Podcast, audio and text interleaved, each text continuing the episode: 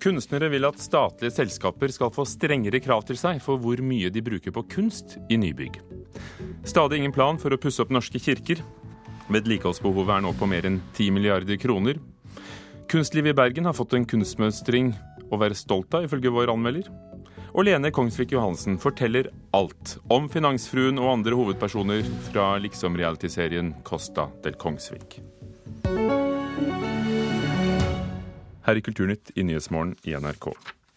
Det må stilles mye strengere krav til hvor mye penger som skal brukes på kunst når staten bygger. Det mener Foreningen norske billedkunstnere. Fredag fortalte vi i Kulturnytt at Avinor bare har brukt halvparten av det staten selv anbefaler på kunst i den siste utvidelsen av Oslo lufthavn på Gardermoen. I motsetning til da flyplassen åpnet. Foran innsjekningsdisken så la jeg den derre Du bør ikke eie mer enn du får med deg opp i et bjørketre. Har du flydd fra Gardermoen, har du kanskje tråkket på Kai Hjelset. Så da sto folk og var nervøse for overvekt og sånn, at de skulle til Kanariøyene. Eller hva de skulle. Det vil si, ikke på kunstneren selv, men sitatene han har preget i gulvet en rekke steder på flyplassen. Her er et vers på gammelnorsk. Før helgen åpnet første del av den nye terminalen på Gardermoen. Men som NRK fortalte da, har ikke Avinor brukt så mye på kunst og utsmykning som mange hadde håpet. Kunstordningen for statlige nybygg anmodet Avinor å bruke 40 millioner kroner, men de har bare brukt 20. Ikke godt nok, mente Gjelseth med flere da. Først og fremst vil jeg si at dette er et strukturelt problem. Sier direktør Svein Bjørkås i organisasjonen Kunst i offentlig rom nå. Han mener det er mange selskaper i tillegg til Avinor som ikke følger statens anmodninger om hvor mye som skal brukes på kunst i byggeprosjekter. Omtrent på samme tiden som, eh, som kunstordningen for statlige bygg ble etablert, altså på slutten av 1990-tallet, så hadde skutt fart en allmenn eh, omorganisering av statlig virksomhet. Henimot aksjeselskaper, stiftelser eh, osv. Andre former for selskaper. Og her ligger problemet, forklarer Bjørkås. Mens f.eks. Statsbygg er pålagt å sette av bestemte prosentsatser til kunst i nybygg, er ikke kravene like strenge overfor selskaper som er skilt ut, være det seg f.eks. Avinor, Posten, Telenor eller et av de mange helseforetakene. Og Samtidig så kan vi se det også ut til at, det, at en økende del av statens behov for bygg eh, løses gjennom at de leier bygg og det at staten både skiller ut selskaper og leier mer enn tidligere, fører til at det brukes mindre penger på kunst, mener Bjørkås. Helt åpenbart. Jeg tenker at det er utrolig synd, eh, for det er enormt mye verdifullt som går tapt eh, når man her eh, tenker pris og økonomi kortsiktig, og velger bort kunstnerisk utsmykking av det offentlige rom. Det sier Arbeiderpartiets kulturpolitiske talperson, Anette Trettebergstuen, og får støtte av styreleder Hilde Tørdal i interesseorganisasjonen Norske Billedkunstnere. Det som er konsekvensen er ganske alvorlig, fordi man mister noe av de fine verdiene da, som ligger i kunsten og som er med på å skape identitet i de stedene som, hvor staten er eier. Tørdal mener ordningen for statlige nybygg svekkes når stadig flere selskaper kan droppe kunst og utsmykning uten at det får konsekvenser. Ja, ordningen blir helt klart uthulet. Eh, det ser vi jo at i praksis så, så blir det mindre kunst i offentlig rom. Organisasjonen Kunst i offentlig rom og Kulturdepartementet gjennomgår for tiden ordningen. Arbeiderpartiets Anette Trettebergstuen forventer at det vil resultere i at man kommer tilbake med sterkere krav. Ja, Det er jo åpenbart at mange virksomheter lar være eh, å gjøre det vi politikere har satt oss som mål, fordi at ikke kravene er sterke nok. Så dette må departementet se på, en forventning om at man kommer fram til løsninger som gjør at eh, kunsten ikke alltid taper. Og reporter var Gjermund Jappé. Foreløpig har ikke Kunst i offentlig rom, eller KORO som det heter, presentert sin bekymring overfor Kulturdepartementet, men statssekretær Bård Folke Fredriksen mener dagens ordning for utsmykking av offentlige bygg gir oss mye kunst. Jeg er ikke bekymret. For det første har vi et veldig bra regelverk som sikrer at eh, offentlige bygninger blir eh, flott utsmykket, og offentlige byrom også. Men hvordan vi velger å organisere eh, offentlig virksomhet, eller om man ønsker å leie eller eie lokalene, det kan ikke avgjøres av hva slags innkjøpsordning man har for kunst. Det må avgjøres av hvordan disse institusjonene best løser sine oppgaver for publikum. Vil du si dagens ordning er eh, vellykket slik den er? Den er eh, vellykket, og vi er glad for å fortsette eh, den ordningen. Og den bidrar til at man får mye flott kunst i det offentlige rom og i offentlige lokaler.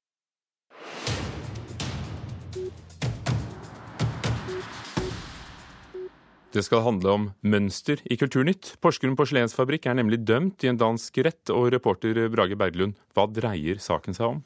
Porsgrunn porselensfabrikk tapte i går i den danske retten mot den kongelige danske porselensfabrikk, nå kjent som Royal Copenhagen. Det meldte den danske nettavisa eh, Finans. Eh, og Royal Copenhagen gikk til sak mot porselensfabrikken i Porsgrunn med anklagen om ulovlig bruk av det danske stråmønsteret Megastrå. Retten fastslo nemlig at Porsgrunn porselensfabrikks design under navnet Maxistrå var altfor likt det danske Megastrå. Og Porsgrunn porselensfabrikk har dermed krenket Royal Copenhagens merkevarerettigheter til Megastrå-mønsteret. Den danske retten fastslo også at Porsgrunn porselensfabrikk må betale 20 000 kroner i erstatning til Royal Copenhagen, i tillegg til å dekke saksomkostningene. Og dette er altså det serviset hvor man har tatt et element av det gamle stråmønsteret eh, som har vært laget siden 1800-tallet, og forstørret opp. Og danskene var altså ifølge denne retten først ute. I de norske avisen i dag så kan vi lese at mobbeombudet i Buskerud vil skjerpe barns nettvett. Og hvordan vil de det? Nei, Blant andre Klassekampen skriver at mobbeombud eh, Bodil Jensen Haug mener at barn må lære om nettvett og bruk av sosiale medier fra de går i første klasse på barneskolen. Mobbeombudet i Buskerud reagerer på at barn ikke lærer nok om mulige konsekvenser av å spre bilder på nettet og i sosiale medier. Eh, og ifølge mobbeombudet begynner skolen i dag altfor sent med å lære opp eh, barnas nettvett.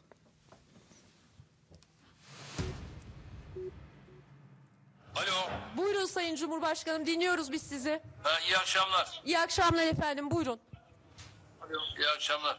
Tabii bugünkü bu gelişme gerçekten... Da, da Tyrkia ble utsatt for kuppforsøk for seks uker siden, ringte president Erdogan tyrkiske fjernsynsstasjoner med videotelefon for å få folket til å protestere. Det er det vi hører som skjer her.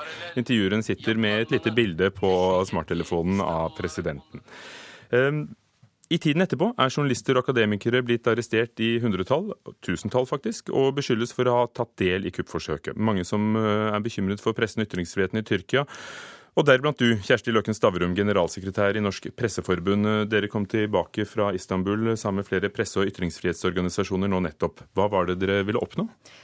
Vi ville se og høre selv eh, hvordan det står til, eh, og, og, dessuten også vise at vi følger med og, og gi uttrykk for solidaritet med dem som nå er veldig engstelige. Du var der sammen med PEN-organisasjonen, Norsk Journalistlag, The Guardian Foundation, Index on Censorship og flere. Hva så dere?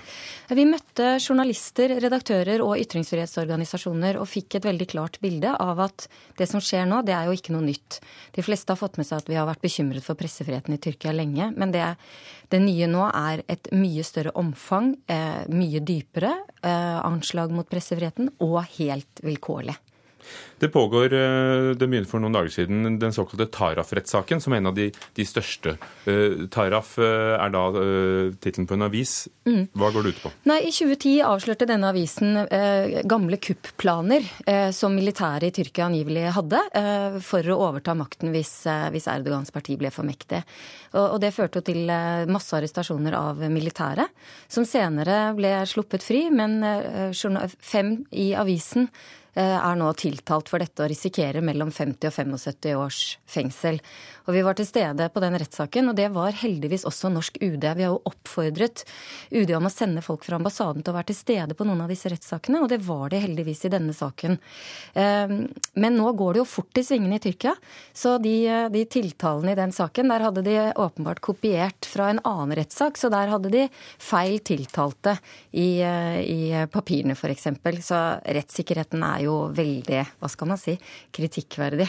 Og Rett etter kuppet så sa jo Børge Brende, utenriksminister, at, at Norge vil eh, være opptatt av at Tyrkia følger internasjonale spilleregler, eh, menneskerettighetskonvensjonen. Og UD var altså til stede på den rettssaken. Hva kan de gjøre? Nei, de, eh, de, observerer og ser da ved selvsyn. Og, og, jeg antar at den utsendte fra Norges ambassade i Ankara også fikk med seg at den tiltalen som ble lest opp i retten, var annerledes enn den som var delt ut til de tiltalte, f.eks. Men nå er jo dette en offentlig rettssak. Dere var til stede. Og den tyrkiske Shahshed Affæren i Norge har jo skrevet nettopp i Aftenposten at uh, Tyrkia følger, uh, er en rettsstat og følger rettsstatens prinsipper og overholder internasjonale forpliktelser. Mm. Vel, eh, nå er det unntakstilstand i Tyrkia eh, etter dette mislykkede kuppforsøket, som jo omtales som en gavepakke Erdogan knapt kunne drømt om å få. Eh, og nå har de da tiltalt seg retten til å kunne fengsle folk uten siktelse i 30 dager. Det benytter de seg av. Vi våknet hver dag til nye tall på journalister som var blitt fengslet i løpet av kvelden og natten før. Og det sitter nå mellom 110 og 120 journalister fengslet etter, etter kuppforsøket. Hva er igjen av, av tyrkisk eh, opposisjonell eller kritisk presse og media? Veldig, veldig lite. Eh, det sies at, eh, at regjeringen kontrollerer omtrent 80% direkte, så noe indirekte, og resten er selvsensur. Det første møtet med tyrkisk presse fikk du allerede i flysettet om bord på Turkish Airlines. Der har de nå, sammen med de klassiske flybladene og menyene og shoppingkatalogene, lagt ut et informasjonshefte. Hva da? Hef, hefte, hefte. Det er jo nesten en bok hvor de har altså rett og slett en påkostet bok hvor de eh, forteller i bilder og tekst eh, hvordan dette mislykkede kuppforsøket fant sted. Eh, og, og, du nevnte jo også i begynnelsen dette at Erdogan selv gikk FaceTime på CNN Tyrk, en stasjon han jo mislikte sterkt, før han da fikk muligheten til å gå live. Og etter det, hørte vi, så har jo alle, eh, alle ministrene i regjeringen vært på CNN Tyrk. Men hvilke konklusjoner trekker du når, når, når du i flysetet allerede får en, eh, skal vi kalle det, billedbok illustrert? Med tidslinje og historikken over et kuppforsøk? At de selvfølgelig ønsker å benytte dette kuppet for alt hva det har vært. Og, og det ser vi jo nå at de også gjør, dessverre, mot uh, både pressefriheten, men også mot forfattere og, og andre ytringsfrihetsaktivister. Kjersti Løkken Stavrum i Norsk Presseforbund, takk skal du ha. Klokken er kvart over åtte akkurat der, og du hører på Nyhetsmorgen i NRK. Overskriftene i dag. Det ble, bør bli opp til hver enkelt kommune å avgjøre om de vil tilby kontantstøtte, foreslår programkomiteen i Høyre. I Afghanistans hovedstad Kabul har det vært flere bombeangrep siden i går kveld. Minst 24 mennesker er drept, over 90 såret. Nordmenn er blant Europas minst fornøyde forbrukere. Det viser en undersøkelse EU har gjort i 30 land. Misnøyen i Norge er størst over kjøtt, frukt og grønt. Det vil koste milliarder av kroner å sette norske kirker i brukbar stand. Ansvaret ligger hos kommunene, men de har ikke råd. I 2014 sa regjeringen at eh, den ønsket å lage en strategi for vedlikehold av kirker. Men planen er fortsatt ikke klar, og nå øker bekymringen. Vanligvis en av Norges mest spektakulære kirker fra mellomalderen. Men de siste fem åra har Ringsaker kirke mer eller mindre vært dekka av stillas. Det er jo ganske skjemmende å ha et stillas rundt en middelalderkirke så lenge. Eh, vi har jo brudepar som eh, har valgt bort kirka vår f.eks. For eksempel, fordi at det står stillaser der. Og stillaser forsvinner ikke med det første, forteller kirkeverget Kai Ove Berg. Målet er jo at taket skal ettergås og det skal gjøres tett. Så da vil det ta ca. ti år, eh, eller inntil ti år, da, før vi er rundt. Det er klart at med mer eh, økonomiske muskler så kunne vi jobba en god del fortere. I 2010 var norske kirker i så dårlig stand at det ville koste 10 milliarder å ruste dem opp. I 2014 var hver fjerde kirke i for dårlig stand, ifølge en rapport. Da sa daværende kulturminister Toril Vidvei dette. Det er noe som regjeringen nå jobber med. Eh, det er å få lagt en plan, få en oversikt over det som trengs. Og så skal vi komme tilbake igjen når den planen er klar. En slik plan er også noe regjeringa har forplikta seg til i Stortinget. Men planen er fremdeles ikke klar. Og det reagerer stortingspolitiker Anne Tingelstad Wøien fra Senterpartiet på. Nei, etter mitt syn så, så, har det ikke skjedd noe. Og nå skriver vi jo september, så jeg skulle ønske at det hadde skjedd noe litt, litt raskere enn det vi har sett nå.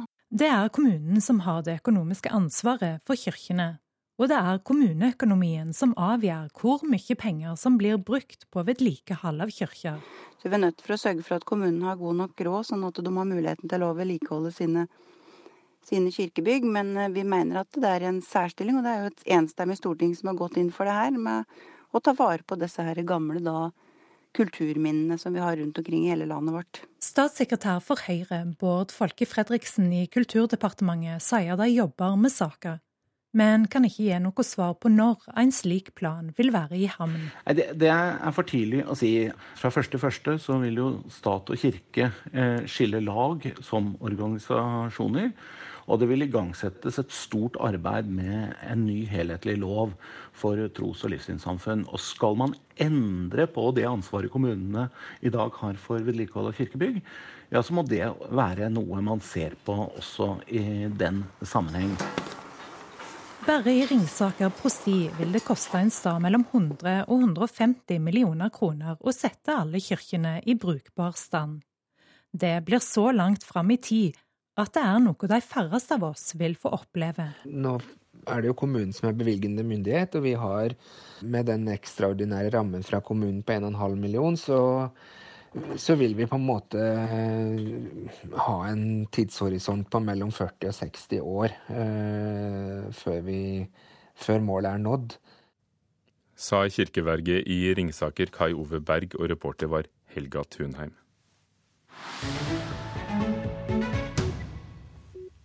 En ganske ny og stor hendelse i kunstlivet er eh, samtidskunsttriennalen Bergen Assembly, som foregår for andre gang i år.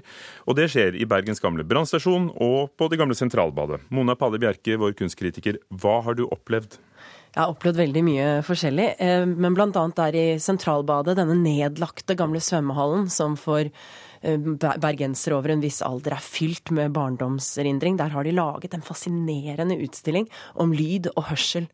Blant annet så har da en av kuratorene, Tarek Atui, lagd en installasjon i barnebassenget av eh, objekter koblet til lyd, som f.eks. tromhinnen fra en blåhval og disse store kulene som man bruker til å lage eh, torden med i teater. Og i det store bassenget så er det fylt med instrumenter, underlige instrumenter, laget gjennom workshops av av både komponister, musikere, eh, instrumentmakere og ingeniører og døve. Og de har da skapt også komponister, har laget musikk, som ble da spilt nå på fredag i dette store bassenget. Og da ble hele bassenget forvandlet til et stort akustisk instrument. Men satt du da nede i da det tomme bassenget? Vi liksom på vei oppover mot grunna i bassenget, og hørte på hvordan da de skapte en musikk som også skulle nå frem til døve. Og vi kan jo høre kanskje et lite lydklipp fra den litt fredeligere del av denne konserten.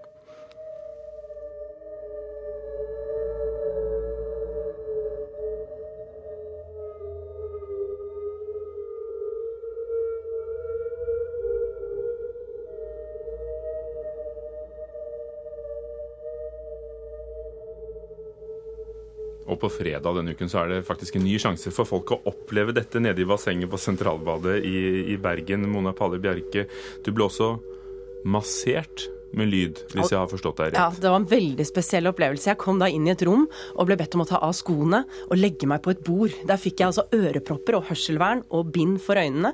Der følte jeg meg litt sårbar, der jeg lå blind og døv på dette bordet. Og så sto det to personer, og de begynte å manipulere med bordet og skape lyder som jeg ikke hørte med ørene, men med hele kroppen. Så hele hodet mitt var fylt med lyd. En, det var som om kraniet var en veldig katedral. Ryggsøylen sang, og håndflaten og knehasene dirret og vibrerte. Så hele, hele, hele, kroppen min var fylt med lyd, eh, rett og slett. Så det var en veldig veldig sanselig erfaring. Thierry Mandiot heter altså denne franske lydkunstneren som er ansvarlig for dette prosjektet. Bergen Assembly er altså en kunsttriennale, som du sa, finansiert av Bergen kommune og Kulturrådet. Det skjedde for eh, tre år siden, det ligger litt i navnet. Da fikk de 16 000 besøkende, og så har de Kunstnerisk råd med en del eh, veldig kjente navn, eller i hvert fall for kunstfolk kjente navn. Og arrangørene understreker at det som du var med på i helgen, det var ikke noe åpning av Bergen Assembly.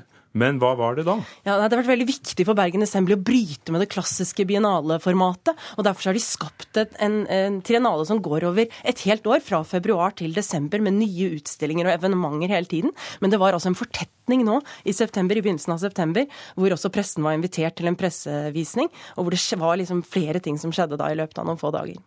Forrige gang da du besøkte Bergen Assembly i 2013, så var du ganske kritisk. Mener du at de har, har gjort det annerledes denne gangen? Ja, nå syns jeg virkelig det svinger på en helt annen måte av biennalen. Eh, denne, nå er det de virkelig lever opp til eh, sine internasjonale ambisjoner. Sånn er det blitt en, eh, en triennale som både norsk og Bergens kunstliv kan være veldig stolt av. Men det skjer altså litt sånn etappevis utover ja, til helt, årets slutt? Til helt frem til desember. Så man må følge med og gå på nettsidene og se på programmet. Takk, Mona Palle Bjerke, NRKs kunstkritiker, som hadde vært på deler av Bergen, Bergen Assembly som foregår i år.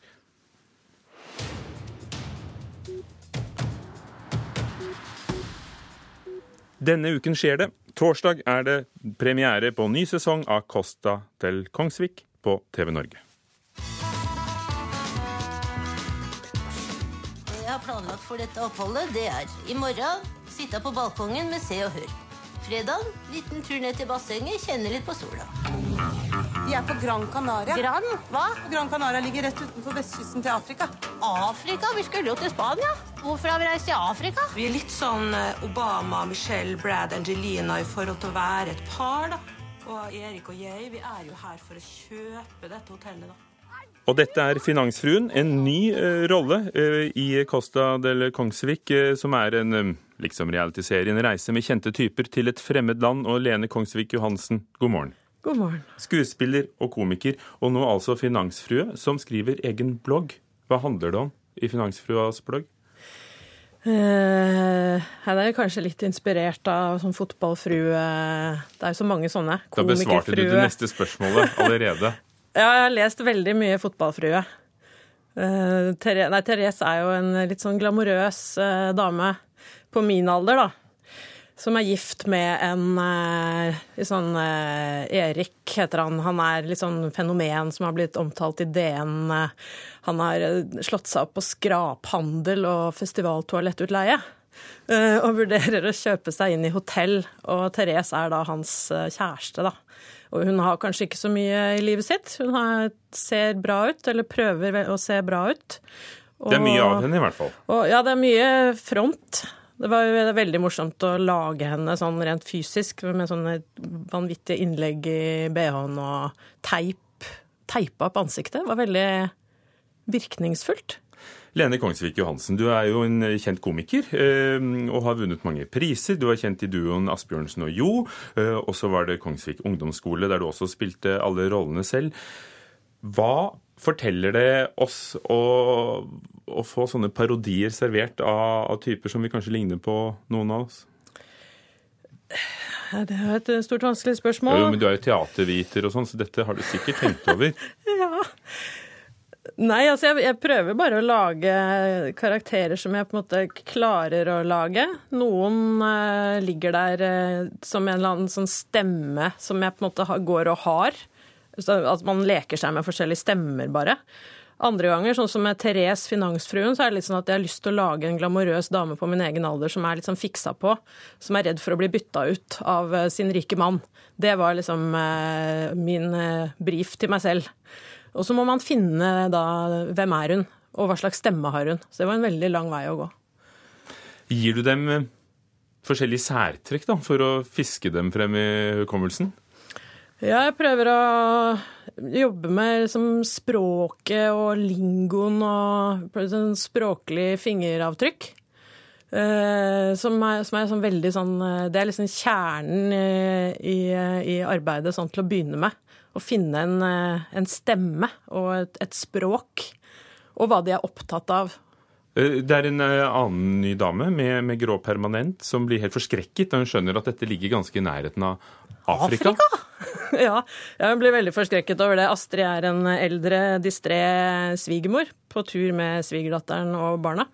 Eh, og så har vi også en ny eh, dame som heter Anne, som er eh, veldig, veldig i overgangsalderen. Er er på Costa del Kongsvik med sine tenåringsbarn. Hun er sexolog og veldig sånn fagnerd.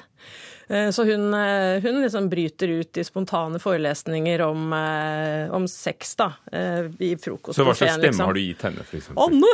Ja, åh, åh, gud, nå kjenner jeg kom, nå kommer, åh, åh, det var, den, den var kraftig. En hettokt, kommer hele tiden. Hun er veldig der. Mens eh, Astrid er mer der. og Therese, hun er litt mer sånn fin, fin trønder, eller ikke egentlig. Hun, hun tror vel at folk oppfatter at hun er fra Oslo, men hun er jo ikke det. Hun er en enkel jente fra Trøndelag, stakkar. Veldig hjelpeløs og, og usikker. Du er ikke bare slem med oss eller med folk? Nei. Jeg prøver jo å lage karakterer og skildre dem med en menneskelighet, da. For du er jo på en måte Og- teatrets karikaturtegner. Ja, ja. Jeg går jeg går ikke direkte på å lage karikaturer av faktiske mennesker, da. Så jeg prøver å lage mer typer og gi dem et lite følelsesregister også, da. Så denne sesongen av, Costa del Kongsvik blir ganske sånn eh, Det er en del sånn, litt sånn gripende fortellinger, faktisk. Vi går litt sånn lenger inn i det menneskelige, og det handler en del om kjærlighet. Ganske sånn sentralt tema for eh, brorparten av karakterene. Står du mye friere til å fortelle om kjærlighet og, og sex og sånn eh, når det er parodier? Jeg står veldig fritt. Jeg kan eh, i noen av karakterene mine, liksom Tigermamma Birgitte eller Wenche eller Rose eh, den litt sånn passiv-aggressive, rødvinsdrikkende vaginakunstneren. Så altså, de, de gir jo, eller formulerer jo av og til Jeg kan formulere mitt eget sinne og mitt eget gørr eh, på en litt sånn tilforlatelig, akseptabel måte. Så hva vil fi- fi- finansfrue Therese ha som første blogginnlegg på en tirsdag? Hallo, tirsdagen. Hun starter alltid på den måten. Uh, nei, det, det er vel uh, Hun kan jo skrive side opp og side ned om frokosten sin. Granola med yoghurt. Du tar en bolle, så tar du en skje. Masse fine bilder, og livet hennes er veldig tomt. Leni Kongsvik Johansen, Costa del Kongsvik har premiere på TV Norge på torsdag. Takk for at du kom til Kulturnytt. Her i Nyhetsmorgen i NRK, Thomas Alvarstein Ove var vår produsent. Hugo Fermarillo, programleder. Klokken er straks halv ni.